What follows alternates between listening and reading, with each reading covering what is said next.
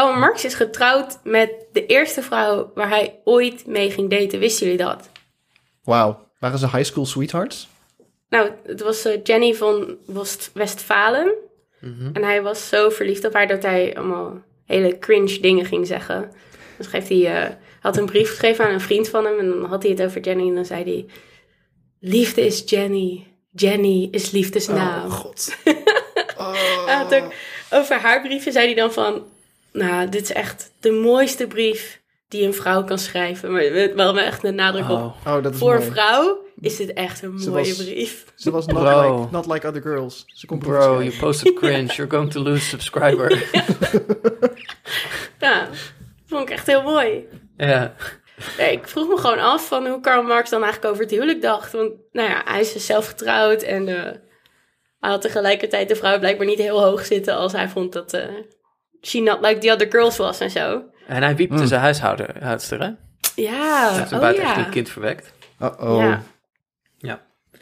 Jij vroeg hoe Marx dacht over het huwelijk. Hij, hij heeft daar wat, eh, hij heeft daar wat dingen over geschreven, ook in het Communistisch Manifest, waar ik, die ik altijd hoogst cryptisch heb gevonden zelf. Ehm, Vertel. maar hij reageert daarmee dus kennelijk op iets wat, ehm, wat de critici van de socialisten en de communisten eh, toen al zeiden. Dus het gaat om eh, 1848 en in de jaren in aanloop daarnaarvan, daar naartoe. Ehm, de communisten willen een eh, gemeenschap van vrouwen, zoals hij dat dan beschrijft, eh, eh, introduceren. Dus alle, hè, als, als we communisme krijgen, dan, dan zijn alle vrouwen publiek bezit. Oh my god. Ehm, ja. En, eh, en, en daar reageert hij een beetje met twee, twee eh, punten op. De allereerste dat de bourgeoisie hun vrouwen eigenlijk alleen maar zien als instrumenten van productie, namelijk baren.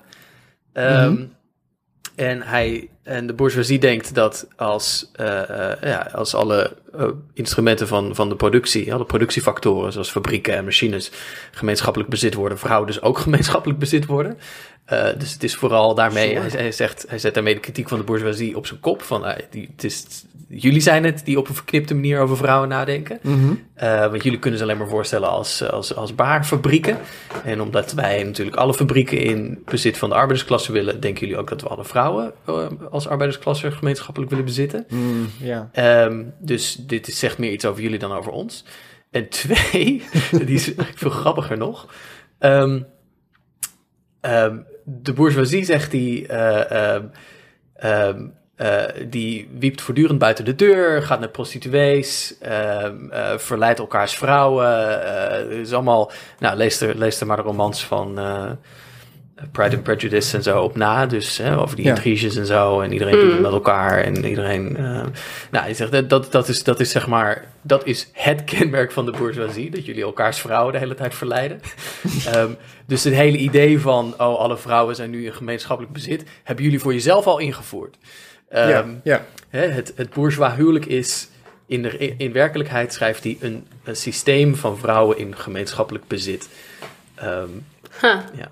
Jezus. Oh, dat weer een beetje een banger, eh Carl. Ja, en ik, ik, ik Hot lees deze passage ook dat Marx zei: sekswerk is werk. Ja.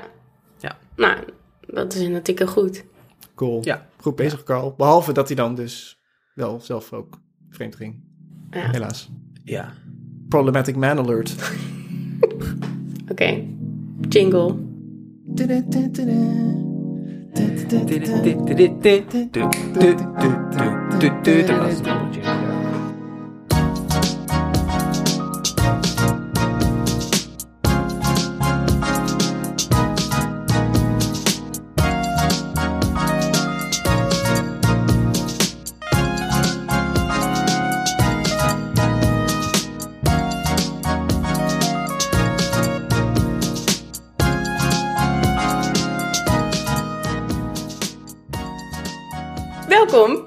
Redelijke Midden, de podcast waarin een stel romantische zwijmelaars je komt vertellen dat alles inderdaad liefde is. Ik ben Annelot en vandaag zit ik hier met Dennis Hallo. en Thijs. Hi. Dit seizoen halen we, zoals jullie weten, elke aflevering een hardnekkige mythe aan in onze politiek of cultuur, die zo alomtegenwoordig zijn dat ze links verbeeldingskracht verstikken. We ontmaskeren de onzin achter die mythes en zetten er een ander verhaal tegenover. De mythe van deze aflevering is een vrij persoonlijke, maar ook een vrij politieke, zoals we zullen gaan ont- ontdekken samen. En dat is dat je trouwdag de mooiste dag van je leven is. Mm. Nou, ik ben eh, net getrouwd en het was niet de mooiste dag van mijn leven. Zo, ontboezeming. nee, het was wel echt, het was echt al een hele leuke dag. Ja, Eh, het was echt een topdag. Mhm. Maar leukste van mijn leven, nou, nou, nou. We gingen gewoon even ergens een handtekening zetten. ik weet niet waarom dat de mooiste dag van mijn leven zou moeten zijn. Ik vind ook dat je dit, deze vraag kan beantwoorden pas als je echt op je sterfbed ligt. Ja, ja, ja. Ja, maar- er zijn nog nou, zoveel dagen. ja. Misschien is de rest van je leven gewoon echt heel kloten. Wat was Nou- tot nu toe de leukste dag van je leven dan? Ik, heb je daar ik een idee bij? zeggen. Ik, eh, ik, Oh. Dit besef had ik namelijk inderdaad, omdat ik daar zeker een idee bij had. En ik had eh, twee dagen specifiek in mijn hoofd. Mhm. Eén is de eerste dag dat ik eh, binnenkwam om mijn PhD te gaan doen. Mhm. Omdat ik het zo onvoorstelbaar vond dat ik dat kon en mocht doen en die kans had gekregen. En dat ik de hele tijd dacht, nee, maar jullie snappen het niet. Niemand in mijn familie doet dit en ik hoor hier eigenlijk helemaal niet. En nu ben ik er ineens toch. En dat ik echt, nou, ik vond het zo mooi. En iedereen wil lezen en praten over dingen en nadenken over dingen. Dat, ik vond die dag, echt, daar was ik echt emotioneel van. Eh, zo mooi als ik dat vond. Dat ik dacht, eindelijk ben ik ergens thuis. Zo voelde het. En eh, de andere dag, die de mooiste dag was, die zat heel dicht op mijn trouwdag. Dat was een week eerder.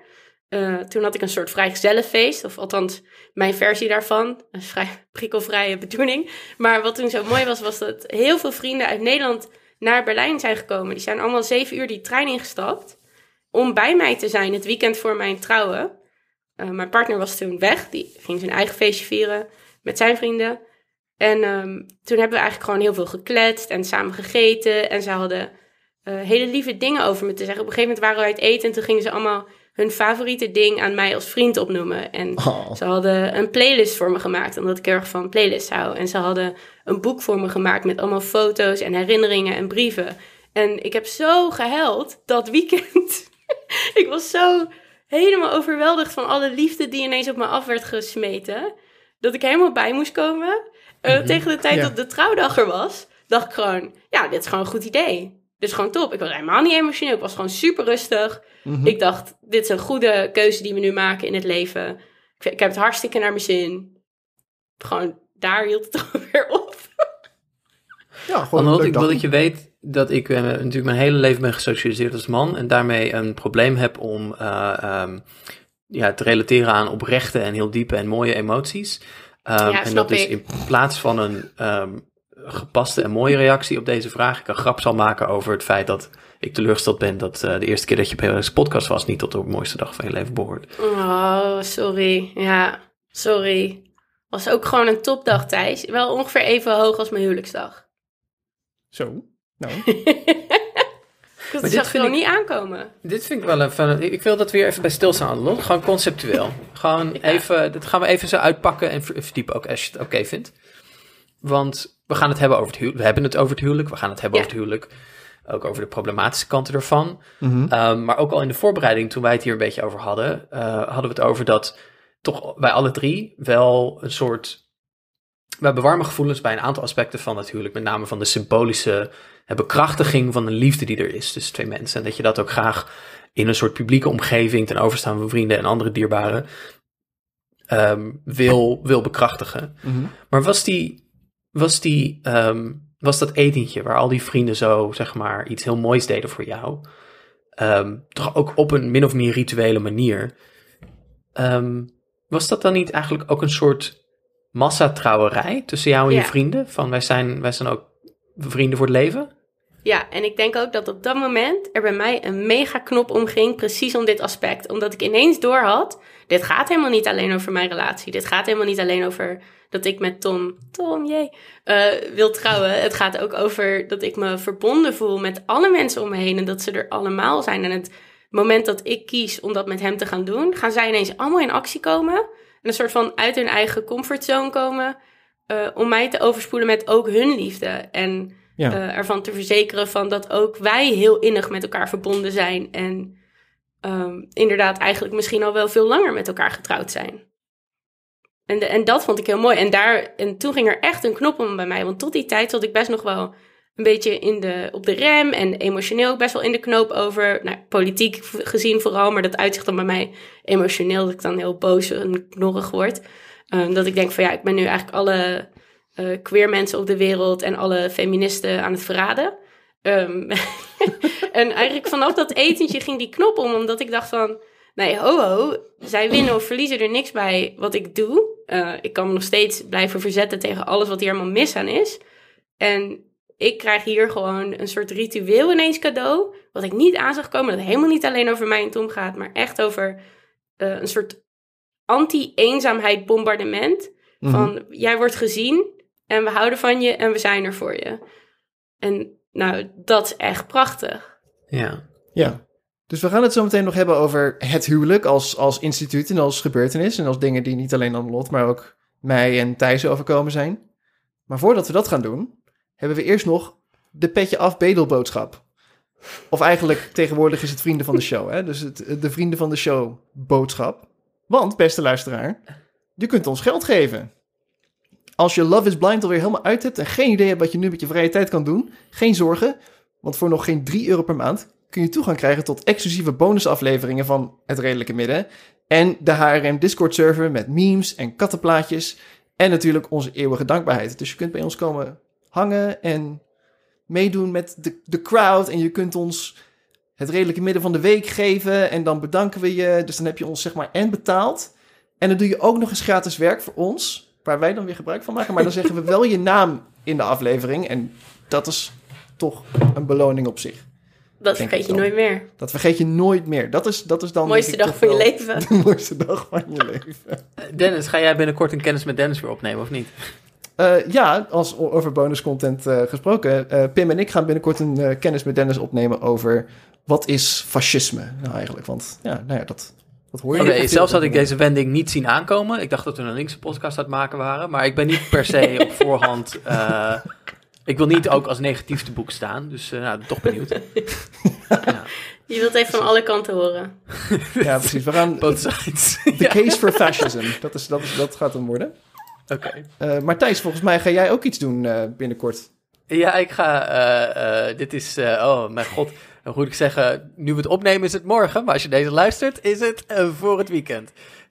maar, um, ik ga een fiets bouwen.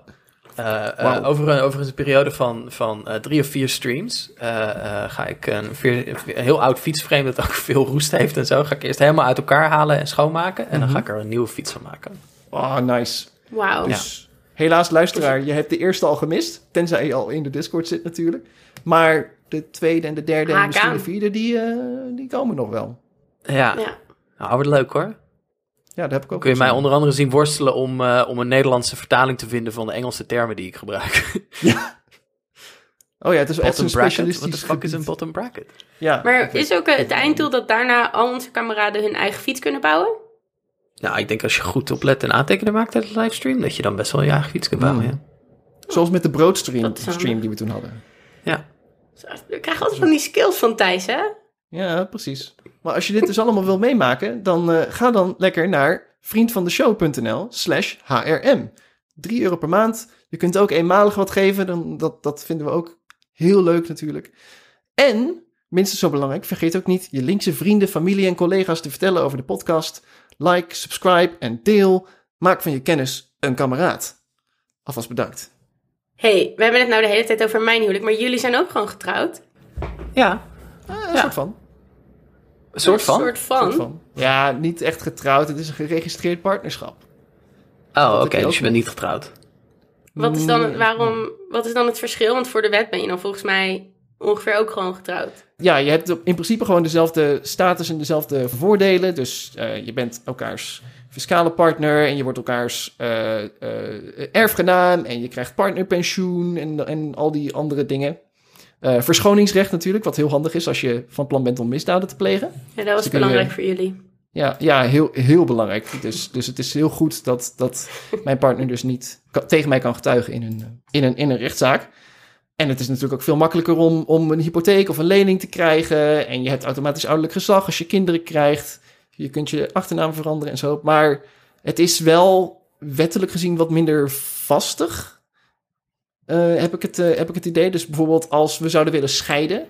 Eh, Mhm. als, je, als, je, als je wil scheiden en je zit in een huwelijk, dan moet je naar de rechter. Ja, Dat moet je, daar, dan moet je helemaal, helemaal die, die, die weg in gaan. Terwijl als je wil scheiden en je zit in een, in een eh geregistreerd partnerschap, dan haal je gewoon de advocaat of de notaris erbij. Want het is in feite gewoon een contract dat je ondertekend hebt. En dan ontbind je dat zo. En dan ben je ook automatisch helemaal weer onafhankelijk van elkaar financieel gezien. Dus bijvoorbeeld mm, als je getrouwd bent en je scheidt van elkaar, dan heb, heb je nog elkaars partnerpensioen. Dat, dat houdt niet automatisch op. Dat moet je vervolgens zelf weer, eh, zelf weer stopzetten. Terwijl als je geregistreerd partner bent en je scheidt, dan, dan is dat partnerpensioen ook gelijk weg. Dus dan ben je helemaal los van elkaar. En was dat ook voor jullie de reden om dit te doen in plaats van om te trouwen? Nou, Deze eigenlijk, eigenlijk was het meer... Dus wij zijn getrouwd eh, eind twee- 2020. Ben je nou wel of niet getrouwd? Ja, dit is moeilijk.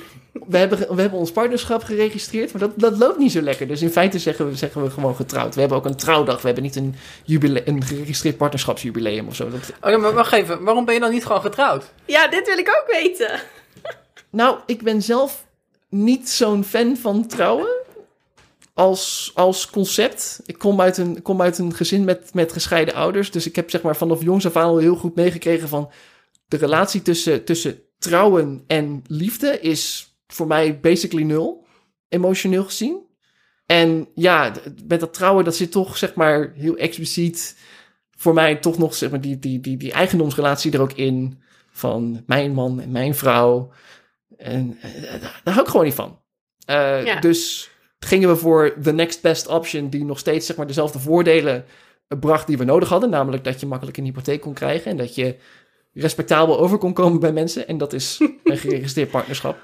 Overigens verwijst vooral mijn partner verwijst nog wel naar mij als haar man. En ik doe dat. Ik verwijs naar, verwijs naar haar als mijn vrouw. Als ik een soort van. Als ik dus respectabel of volwassen wil overkomen. Want als je zegt mijn partner, dan is dat is heel ambigu natuurlijk. Het is, het is, Mm, is het een man of een vrouw of een, of een non-binair persoon? Is het, eh, zijn jullie gewoon, ge- zijn jullie nou getrouwd? Of is er, is er een samenlevingscontract? Of weet je wel? Terwijl als je gewoon zegt, mijn vrouw, dan is het gelijk duidelijk of zo.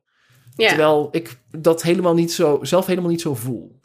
dus, dus eigenlijk, je hebt een soort van andere weg gekozen voor een ongemakkelijkheid die ook weer niet helemaal te vermijden is. Maar je hebt wel lekker, weet ik hoeveel duizenden euro's bes- bespaard op je feestje voor ons.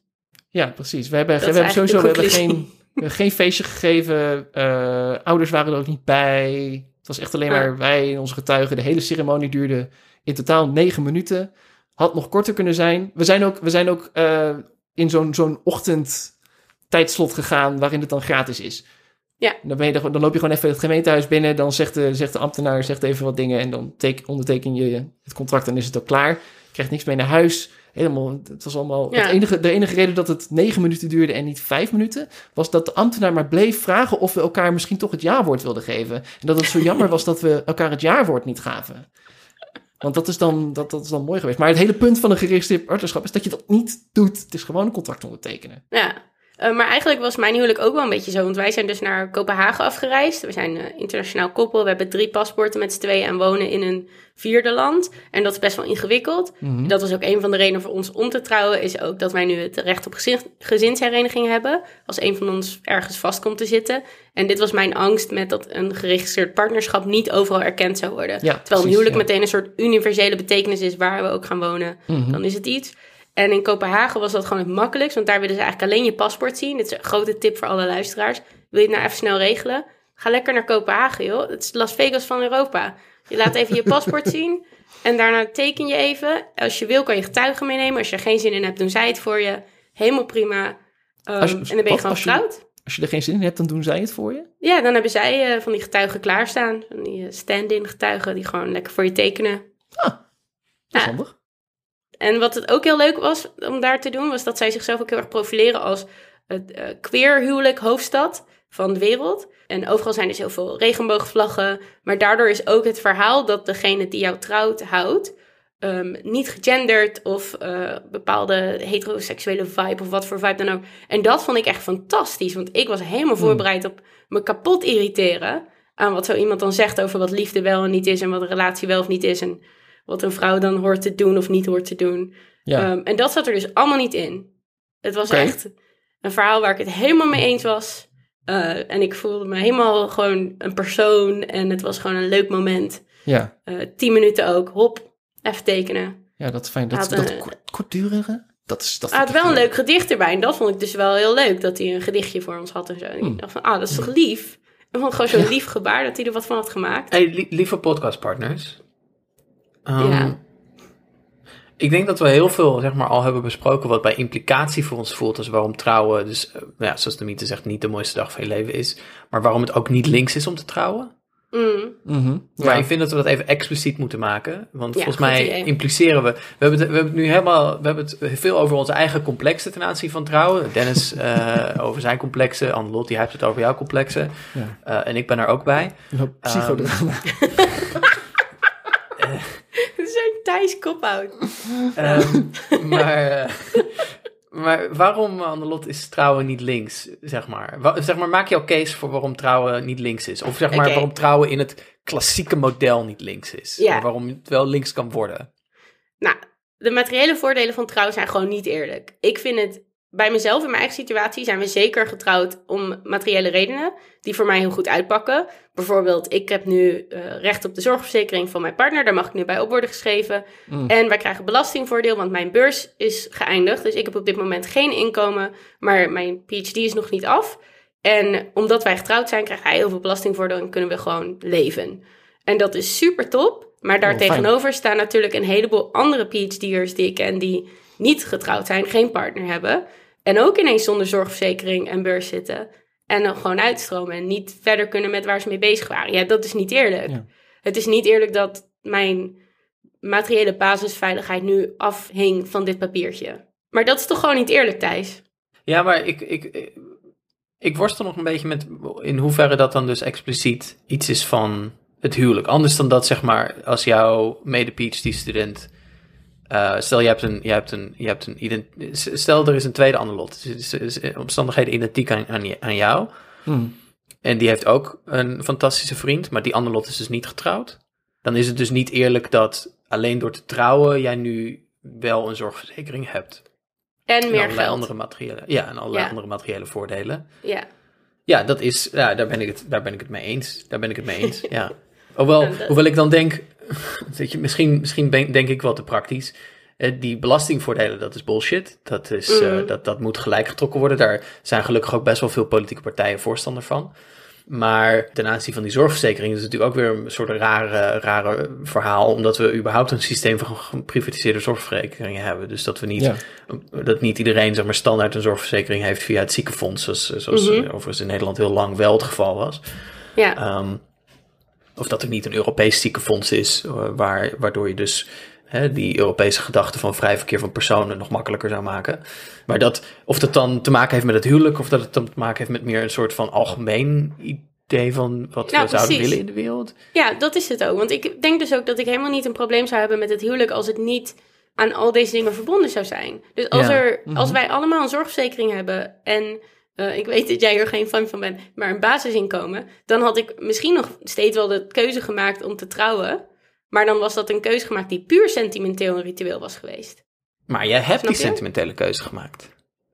Want jij hebt heel erg in jouw huwelijk, zeg maar, het admi- administratieve deel Gescheiden. losgekoppeld Ja. van, van het symbolische deel. Want jij hebt binnenkort, dus je bent nu getrouwd, ja, maar binnenkort is er nog een soort groot feest dat jij beschouwt als een meer echte. het is echt heel pijnlijk dat je dit zegt in de aflevering, want die gastenlijst, dat is zo'n geworsten. Nu luisteren allemaal mensen die straks niet uitgenodigd worden. Oh, Sorry. Oh, dit kunnen we die knippen. luisteren. Dit kunnen Nee, we nee, nee. knippen. Dit is een grapje. Oh, oké. Eh, Ze mogen Ja, voor mij ook hoor. voor mij ook, had ik Eh. gewoon helemaal gedM'd dat hij het erin moest laten. nee, nee, nee, helemaal prima.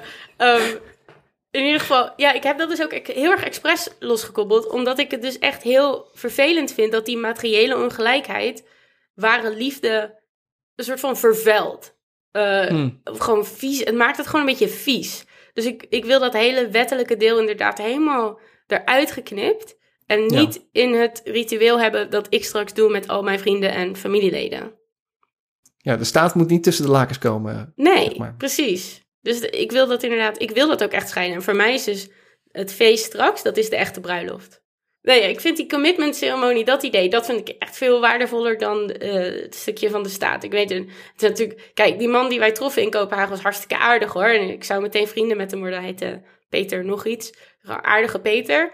dat Um, is een bijzonder maar op zich heeft hij natuurlijk totaal niks te maken met onze, onze relatie. Nee. Dus straks met het ritueel gaan we gewoon een goede vriend of vriendin vragen om een soort ceremonie met ons te doen. En die gaan we zelf bedenken. En daar ben ik al heel erg druk mee bezig. Die heeft op dit Ja. moment twaalf stappen. En het zegt mij een soort van, eh, soort, soort van, van, wat als ik de baas zou zijn van liefde? Ah, haha. Oké, maar wacht even, Annelot. Ik wil nu, Ja. ik wil toch jou even hier op de sofa leggen. Ja, Want jij zegt, eigenlijk maak jij het onderscheid en je zegt van nou het, zeg maar het conservatieve of het zeg maar kapitalistische of het niet-linkse element uit het huwelijk, zoals we dat kennen in de wereld, is die materiële component die eigenlijk een soort ja, standaardmaatschappij creëert tussen singles en getrouwde mensen. ja, Eh, die deugt niet, die zou je moeten afschaffen. ja. Maar ik denk dat je daarmee best wel. En jij zegt ook juist dat symbolische van de ware liefde en de viering van de liefde en het feest dat ik wil hebben met mijn dierbaren en vrienden en familie. Dat is heel belangrijk voor mij. Dat Ja. kun je kennelijk met je linkse hart wel verteren. ja. Maar Al wat wil zou je nou. Oh, meteen zeggen, ik kan het ook niet helemaal verteren. Want ik vind het dan, als je dat te ver doortrekt, dan is dat ook wel heel storend. Als het idee is van, je bent soort van succesvol omdat je geliefd bent. En omdat je een monogame, één op één, langdurige relatie hebt die je op deze manier wilt vieren. Want dat is natuurlijk de andere kant ervan. Dat daar ook een soort verheerlijking omheen zit. Oh god. eh, waardoor singles voor altijd kind blijven eigenlijk. Of in ieder geval een beetje gefaald in het leven als Mhm. ze niet getrouwd zijn. Ja, daar ben ik natuurlijk ook tegen. is dat hele idee van zeg maar op, op enig moment de ware vinden en trouwen en, en ook zeg maar alle Hallmark films die daarmee daar samenhangen en alle films die rond de kerstdagen weer op tv zijn over dan alles is liefde en, eh, en eh, Mhm. god hoe heet die kutfilm uit het Verenigd Koninkrijk ook alweer eh, Love Actually. Love Actually. Love Actually, ja, inderdaad. Dat zeg maar het huwelijk, het romantische huwelijk, de romantische monogamie, is dat überhaupt wel een links idee? Dat, daar wil ik het nog wel even over hebben. Want ik denk dat er ook, kijk, Marx die maakte er een toespeling op in het communistisch manifest van dat kennelijk communisten door de geschiedenis heen de, geschi- de kritiek hebben gekregen dat eh, ja, in een communistische samenleving eh, het, het bourgeois gezin, man, vrouw, kids, huisdier, Mm. eh, er Ja. niet meer is, omdat alle vrouwen nu, zeg maar, eh, bezit zijn van alle mannen. Maar kennelijk is er een, een soort linkse gedachte dat levenslange monogamie ja, niet echt een links eh, ideaal is. Nee. Nee. Nee, en toch heb jij daar, wij, wij alle drie hebben daarvoor getekend bij het kruisje. Ja, Ja, maar ik wil wel, ik, als ik zeg dus ware liefde, dan bedoel ik niet in één persoon of één relatie. Dan bedoel ik echt meer het op een soort zeer oprechte, zo min mogelijk verpeste manier kunnen ervaren van liefde. En dat kan dus naar je partner zijn, maar dat kan ook naar je vrienden zijn of naar familieleden of naar iemand die je gewoon heel erg lief vindt. Of een huisdier of een kat. Dus ik bedoel niet per se inderdaad het idee van dat, dat ene ding dat ik alleen voor altijd met Tom heb. Daar geloof ik niet zo in.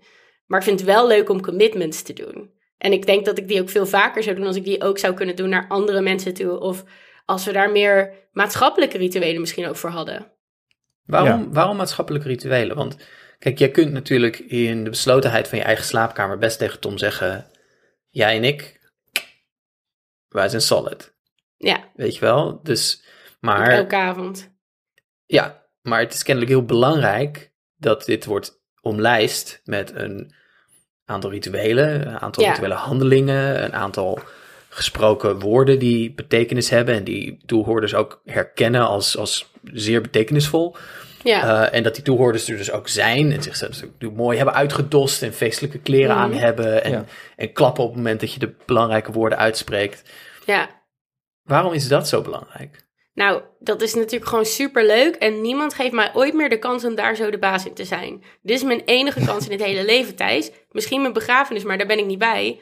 Je verjaardag, daar doen mensen al zoveel meer casual over. En daar heb ik ook verder niet zoveel mee. Ik weet niet welk ander. Als ik hem straks bijvoorbeeld mijn diploma haal, ja, dan komen er een paar mensen, maar dat gaat over iets wat ik heb gedaan of zo. Terwijl dit veel meer een soort viering is van wij als mensen geven om elkaar hoera. Ehm, en, ik- en je krijgt gewoon met niks anders zoveel mensen op één plek.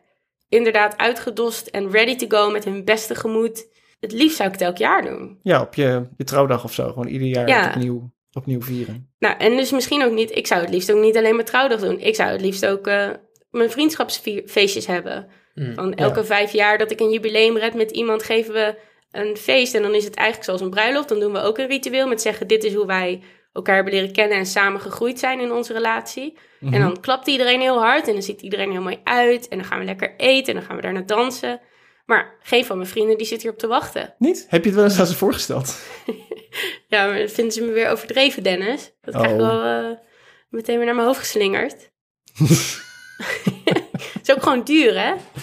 Ja, dat is wel kostbaar. En Ja, dat is het is- ook. En, en bij een bruiloft mag het. En dan denkt iedereen van, ja, oké, maar trouwen, dat doe je maar één keer. Als je geluk hebt. Maar Ja. wat ik dan voorstel, dat is meteen natuurlijk een beetje hedonistisch. Ja, ik, ik, ben, ik ben eigenlijk een beetje op zoek naar een antwoord op de vraag, ook voor mezelf. Is dit, is dit nu gewoon, Amy, iets van mezelf waarin ik eh, conservatiever ben dan ik misschien zelfs zou willen? Hmm. dat dit iets is waar ik toch aan vasthoud. Ik ben ook getrouwd. En ik moet, ik moet daar, ik moet bekennen dat ik dus niet vooraf had kunnen vermoeden hoezeer me dat, hoe ik toch, hoezeer ik toch ook wel persoonlijk zeg maar ehm, een, een verdieping heb ervaren in, in de intensiteit van mijn eigen relatie met, eh, Hmm. met de persoon met wie ik getrouwd ben. Ehm, Jij bent ook wel toch- echt een spouse guy. ja, nee, maar ehm, dat dacht, ik, dacht, ik dacht, ja, goed, trouwen, dat is mooi. Er is een feest. Het is ook een soort, soort, soort coming-of-age ritueel waar je misschien doorheen gaat. Annelot, dit beschreef jij een beetje, hè, van dat onze samenleving kennelijk is verondersteld dat er een leeftijdscategorie is, zo, zo tussen de 25 en de 35, waarin mensen zo'n beetje zo besluiten dat de partner met wie ze al een paar jaar samen zijn, dan ook degene maar is met wie ze gaan trouwen. En, nou, dan- Sterven. dan- ja. ja, Ja. precies. Dus dat. Ehm, maar ik heb het doormaken van het ritueel en het uitspreken van die woorden ook echt ervaren als een verdieping van de commitment en van de toewijding die ik voel en ervaar naar mijn, ehm, naar mijn partner. Ehm, Mhm. En niet op een negatieve manier. Niet in een soort van, oh, nou zit ik eraan vast. We hebben een belofte gedaan, nou moet ik er ook aan houden. Maar juist op een manier die ik juist heel mooi vind. Van, oh, ik had niet, ik had, ik had, ik, alsof ik een soort bron van gevoelens en emoties heb aangeboord. Waarvan ik niet per se had vermoed dat ze er waren. En dat is echt anders, voor mijn gevoel althans, dan in, in de, in de, in de natrouwsituatie dan in de voortrouwsituatie. Ondanks dat ik echt heel Mhm. erg verliefd was en ben en nog steeds ben natuurlijk. En, en, en eh, ook toen al echt dacht, oh ja, ik hou echt ongelooflijk veel van jou en ik zou het liefst mijn hele leven met je doorbrengen. En toen trouwde ik en toen werd dat nog eens een keer, werd die ruimte nog eens een keer zo groter. Ja. Alsof, die, Ja. alsof de, de, de ballon in mijn hart nog eens wat extra werd opgeblazen. Ja, maar dat is ergens ook heel logisch en ik herken dat ook heel erg. En volgens mij komt dat ook omdat je dus een enorme commitment aangaat die je helemaal niet kan overzien, eh, maar waar je toch vol voor gaat. En dat is zo'n groot cadeau aan elkaar en het creëert een hele, hele, hele veilige basis. Waar geen vraagtekens meer bij worden gesteld eh, in, in de mate die daarvoor misschien wat makkelijker zou zijn. Want je moet letterlijk naar de rechter om iets te ontbinden.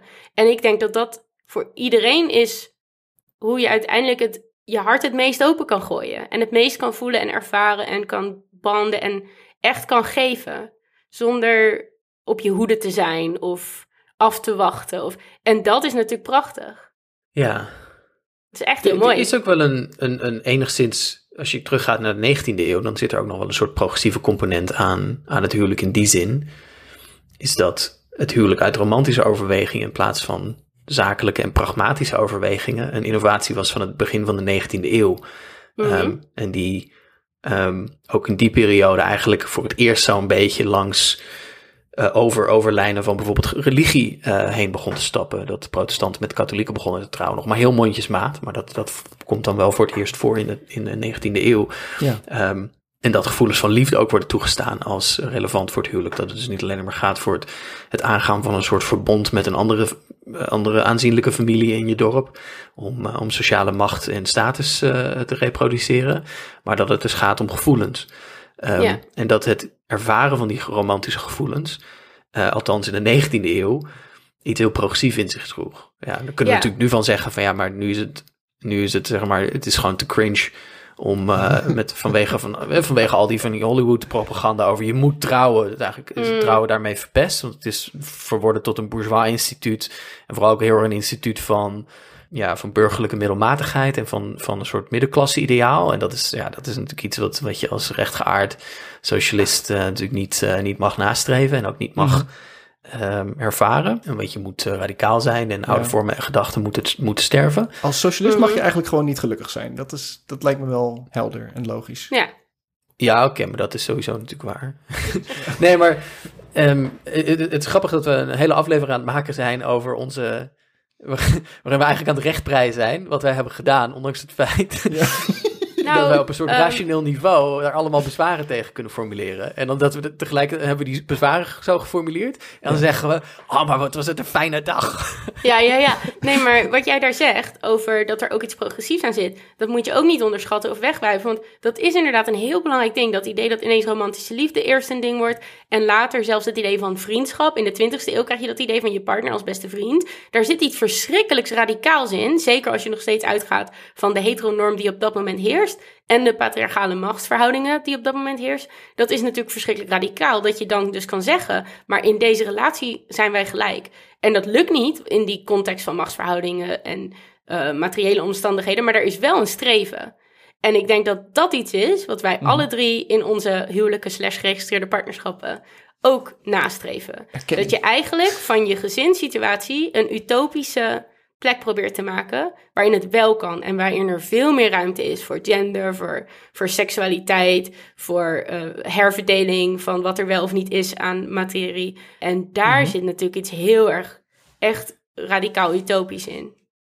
Ja, in principe. Ik bedoel, ik moet zeggen dat ik dat voor mezelf iets minder voel. Voor mij was het echt een, het moment waarop, waarop ik zo zat van... Dit is, mijn, dit is nu mijn commitment, dit is nu, zeg maar... Weet je wel, we gaan er nu helemaal voor en het is nu echt heel erg verdiept was. kwam echt jaren voordat wij daadwerkelijk de staat erbij haalden en zeiden van... hey, mm. dit is een ding, weet je wel.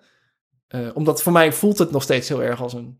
Gewoon zeg maar tegen de staat zeggen van schrijf hier even op dat wij elkaars partners en erfgenamen en zo zijn. En ja, dat, dat heeft mhm. voor mij altijd al helemaal losgestaan. Het is eerder iets dat voor mij komt in, in dagelijkse handelingen en, en in het bij elkaar terugkeren en het elkaar missen als je, elkaar, als je niet bij elkaar bent en zo, dan in een ceremonie, zeg maar. maar dat, ja, en hier zit natuurlijk ook de moeilijkheid in wat Thijs dan ook net zegt, wat ik ook herken van dat je dus die verdieping voelt. Dat is dus voor jezelf denk ik heel mooi om te kunnen zeggen van ja, dat voel ik heel erg en dat is heel waardevol. Alleen de mhm. andere kant die dan, die dan conservatieve mensen misschien daarvan zouden gebruiken, is dat je het ook een stop kan maken om mee te slaan en te zeggen: Dus Dennis, jouw relatie, jij kent die verdieping gewoon niet. Of ja. mensen die niet willen trouwen, of mensen die uh, misschien meerdere korte relaties achter elkaar hebben in plaats van één hele lange. Die kunnen natuurlijk nog steeds allemaal heel waardevol en heel verdiepend qua liefde zijn. Ja. Alleen zodra je zelf getrouwd bent, is het zo'n gevoel van: Ja, maar ja, maar jongens, dit was echt heel leuk. Nou, ik heb wel, ik heb wel dus zeg maar, dat, maar dat snap ik ook heel erg. Ik was uh, van echt de zomer, een cultus. Van de zomer was ik dus bij uh, de, voor het eerst bij een bruiloft van een, een leeftijdsgenoot, van een vriendin van mij. En nou ja, hoeveel, hoezeer ik dus ook echt een hekel heb aan dat hele rituelen en aan al die dingen eromheen. Toen, toen de bruid aankwam in haar mooie witte jurk en mooi opgemaakt en zo, schoot ik helemaal vol. En was het wel echt van, oh god, She's Radiant, weet je wel. En, en, ja. en, toen was dat... Oh, ik heb ook gejankt bij de bruiloft van vrienden. Ja, ja, ja. Maar dat, dus, dus er zit toch... Nou ja, wat jij ook al zegt, er zit heel erg die... Er zit een soort van culturele kracht aan. En, en emotioneel diep iets dat ja. je met al je bezwaren toch niet weg kunt. Uh... Precies, en dat wil ik helemaal uitmelken op mijn ja. Want weet je, ik, ik heb ADHD, dus ik heb de hele tijd honderdduizend gevoelens die heel sterk zijn en de hele tijd eruit komen op allemaal manieren waar ik geen controle heb. Dit is mijn dag van wraak. Iedereen in die zaal gaat gewoon huilen. Iedereen in die zaal gaat gewoon. Ja, zover ga je hysterische uh, gevoelens die ik heb, die ga ik gewoon iedereen laten voelen. Ga gewoon allemaal even een dagje samen doen. Mm -hmm. En dan komen we er allemaal sterker uit. Ja. Gewoon meer verbonden, closer. Ik vind uh, wat je net zei, Annelot, daar wilde ik nog even op terugkomen. Je zei het huwelijk als een ruimte waarin je dus ook tegen de keer, tegen de maatschappelijke normen, uh, um, allerlei, ja, niet, niet regels, maar allerlei, zeg maar, een, een, een modus vivendi kunt, kunt creëren voor je eigen relatie, vind ik mooi. Dus ik, een beetje de indruk van het huwelijk nu als een instituut dat dat, ons, dat is ons komen overerven uit een, uit een conservatievere en een, en een minder vooruitstrevende tijd. waar wij nu op dit moment allerlei dingen zelf in kunnen ehm, gieten, als het ware. Mhm. Ehm, je kunt het huwelijk nog steeds heel traditioneel en ouderwets invullen. Dus eh, je kunt de huwelijksdag precies zo doen als je ouders of je grootouders hem zouden hebben gedaan. Waarin je Mhm. vader, het is een heteroseksueel huwelijk, want zo zouden je grootouders dat hebben gedaan. Ehm, ehm, en, en, je vader eh, eh, neemt je aan de arm en, en ehm, eh, brengt je naar het altaar waar eh, je, je verloofde en spoedig man staat te wachten. En, en alle rituelen van de huwelijksdag zijn helemaal ingevuld zoals, ja, zoals, zoals, zoals dat altijd is gegaan. En, en misschien is dat voor jou wat je wil. Dat, daar heb ik geen oordeel over. Ik zou het zelf niet zo doen, maar als je daar gelukkig van wordt, meid, doe het, eh, doe je ding.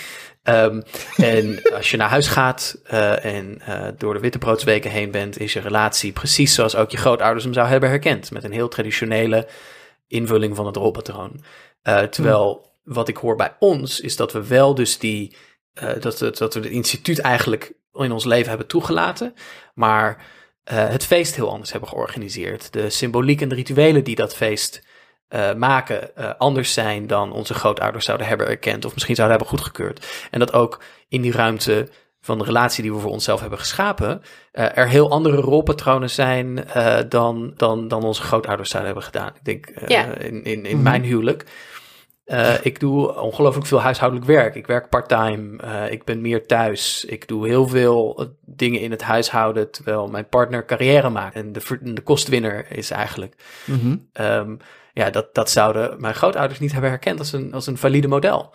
Ja. Maar voor ons wel. En mijn partner is mijn beste vriend. Ehm, toch is het, ben ik erin geslaagd en zijn wij erin geslaagd om, om, om dat instituut te hervormen, kennelijk. Ja, Ehm, en iets betekenisvol te maken wat zich goed verdraagt, ondanks het feit dat het iets ouderwets is op het eerste gezicht.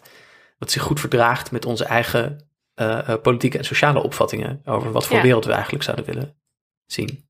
Ja, blijkbaar. Een soort, een soort van in elk geval. Want we hebben er alsnog drie kwartier vol kunnen praten over wat er alsnog mis mee is. Zelfs al hebben we het nu gedaan. Dus we zijn, we zijn er nog niet in dat, in dat, in dat geval. Maar er is dan ook een je- heleboel nodig, denk ik. Om, het is niet alleen het huwelijk dat natuurlijk dan hervormd moet worden. Het is ook de gezondheidszorg bijvoorbeeld. precies. Wat Thijs zei, ja, het is niet allemaal de schuld van het huwelijk. Nee, nee, nee, inderdaad. Ik vind het trouwens grappig dat... ehm, eh, wat je natuurlijk veel hoort als, als een soort van fundamenteel eh, feministisch eh, argument tegen trouwen... is dat het letterlijk je levensverwachting verkort als vrouw. Zeg maar, de, de, de Ja. getrouwde man steelt levensjaren van zijn, van zijn vrouw. Zij gaat eerder dood en hij kan langer leven. Eh, Ja. Maar jij bent door je huwelijk eh, nu... eh, Verzekerd bij de zorg, dus waarschijnlijk is jouw levensverwachting Ja. een stuk, stuk Ja, hoger. oprecht. Want ik krijg ook ineens veel betere zorg ehm, Ja, dan ik met mijn eigen verzekering hiervoor had. Dus ik kan ineens bijvoorbeeld de fysiofitness doen, die heel belangrijk is voor mijn reuma, maar die mijn zorgverzekering hiervoor, die was dus privaat aan de beurs gekoppeld, niet wilde vergoeden. En ik kan niet Hmm. alleen ADHD-medicatie krijgen, maar ook ADHD-therapie, ehm, wat natuurlijk veel duurzamer is. Nou ja, en zo zitten er dus allerlei eh, ja, levensverlengende dingen aan voor me. Plus dat ik gewoon kan werken en ik kan heel veel banen gewoon niet doen eh, fysiek. En nu kan ik mijn PhD afmaken en ik kan blijven schrijven en blijven lezen en mij een soort onderdeel blijven voelen van de maatschappij. Precies. omdat die materiële kosten gewoon gedeeld worden met Ja. een ander salaris. Er zit toch ook een soort van... eh, Dus zo hard als de geesteswetenschappen wegbezuinigd worden, ehm zo zegt mijn vriend, eh, mijn vriend, mijn man, mijn echtgenoot, die zegt dan altijd van ja, maar ik eh, ga in mijn eentje, eh, de enige reden dat ik in de hemel kom, is omdat ik jou je werk ga laten doen en daarmee ga helpen. En dat is mijn linksvorm van verzet tegen al die rotbezuinigingen en onzinnige dingen. ja. Hij is de, de Friedrich Engels voor jou, Karl Marx. Ja, en dat is het lastige, want het is dus een heel progressieve daad in een heel conservatief ogend iets. Waarbij inderdaad een goed verdienende man een niet verdienende vrouw onderhoudt. Eh, maar hij zegt dan van ja, maar dat doen we alleen maar zodat jij dat hele systeem kapot kan schrijven. Stiekem heel progressief en radicaal. Ja, Eerst het huwelijk disrupten en dan kapitalisme disrupten. Nou ja, ik denk dat het tijd is om even naar de tegenmieten te gaan. Want, ehm, en mijn tegenmiete is dus ehm, dat het huwelijk gewoon een dag in je leven is... waar je toegang tot basisbehoeften nooit van af zou mogen hangen. Ehm, als Thijs en ik morgen doodongelukkig wakker worden... dan moeten wij weg kunnen, nog steeds ergens kunnen wonen... een zorgverzekering hebben en kunnen eten.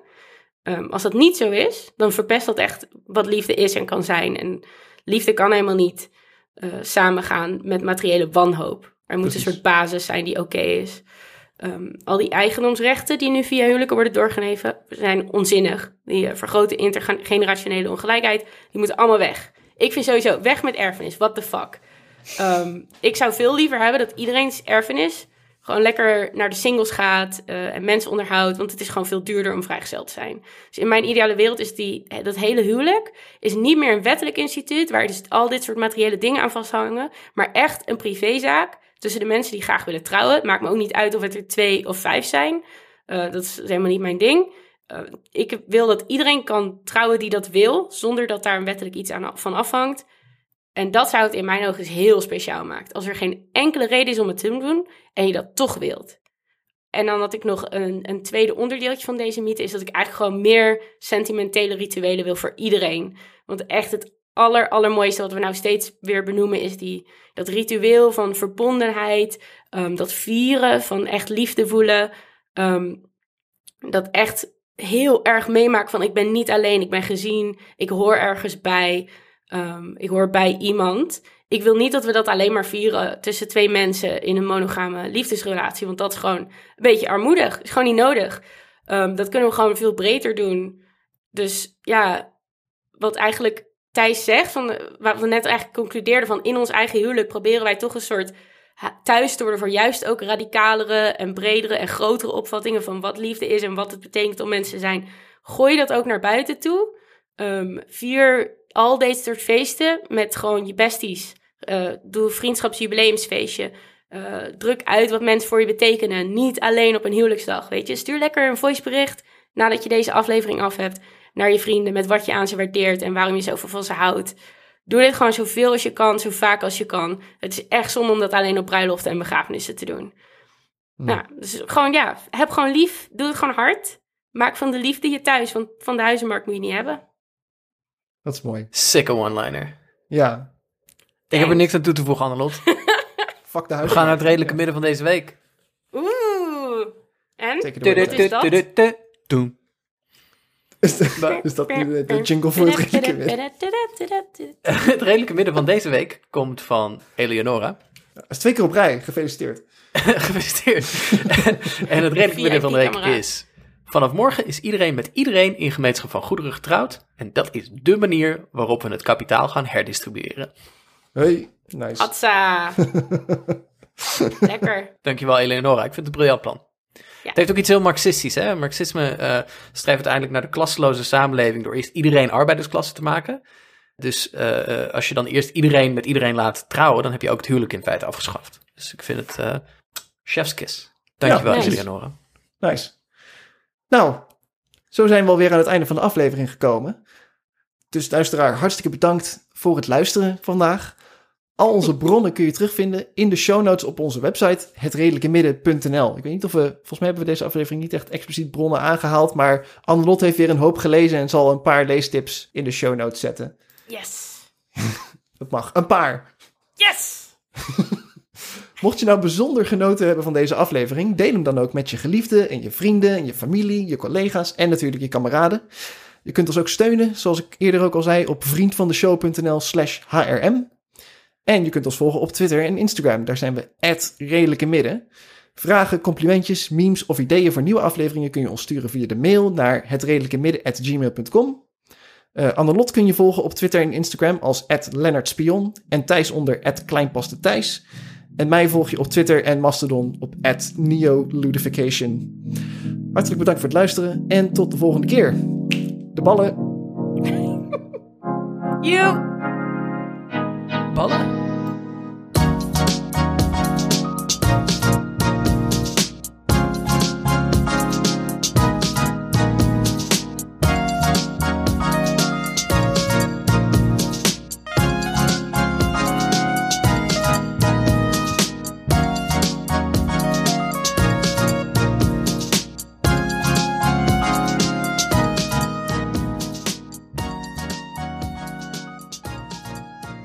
Annelot, neem jij Thijs tot je wettige podcastpartner. Ja, ik wil. Mooi. Thijs, neem jij Annelot tot je wettige podcastpartner? Ja, ik wil. Dan verklaar ik jullie nu podcastpartner en podcastpartner. En jullie mogen kussen. Dit is echt groter succes dan heel eh, Love is Blind seizoen 3.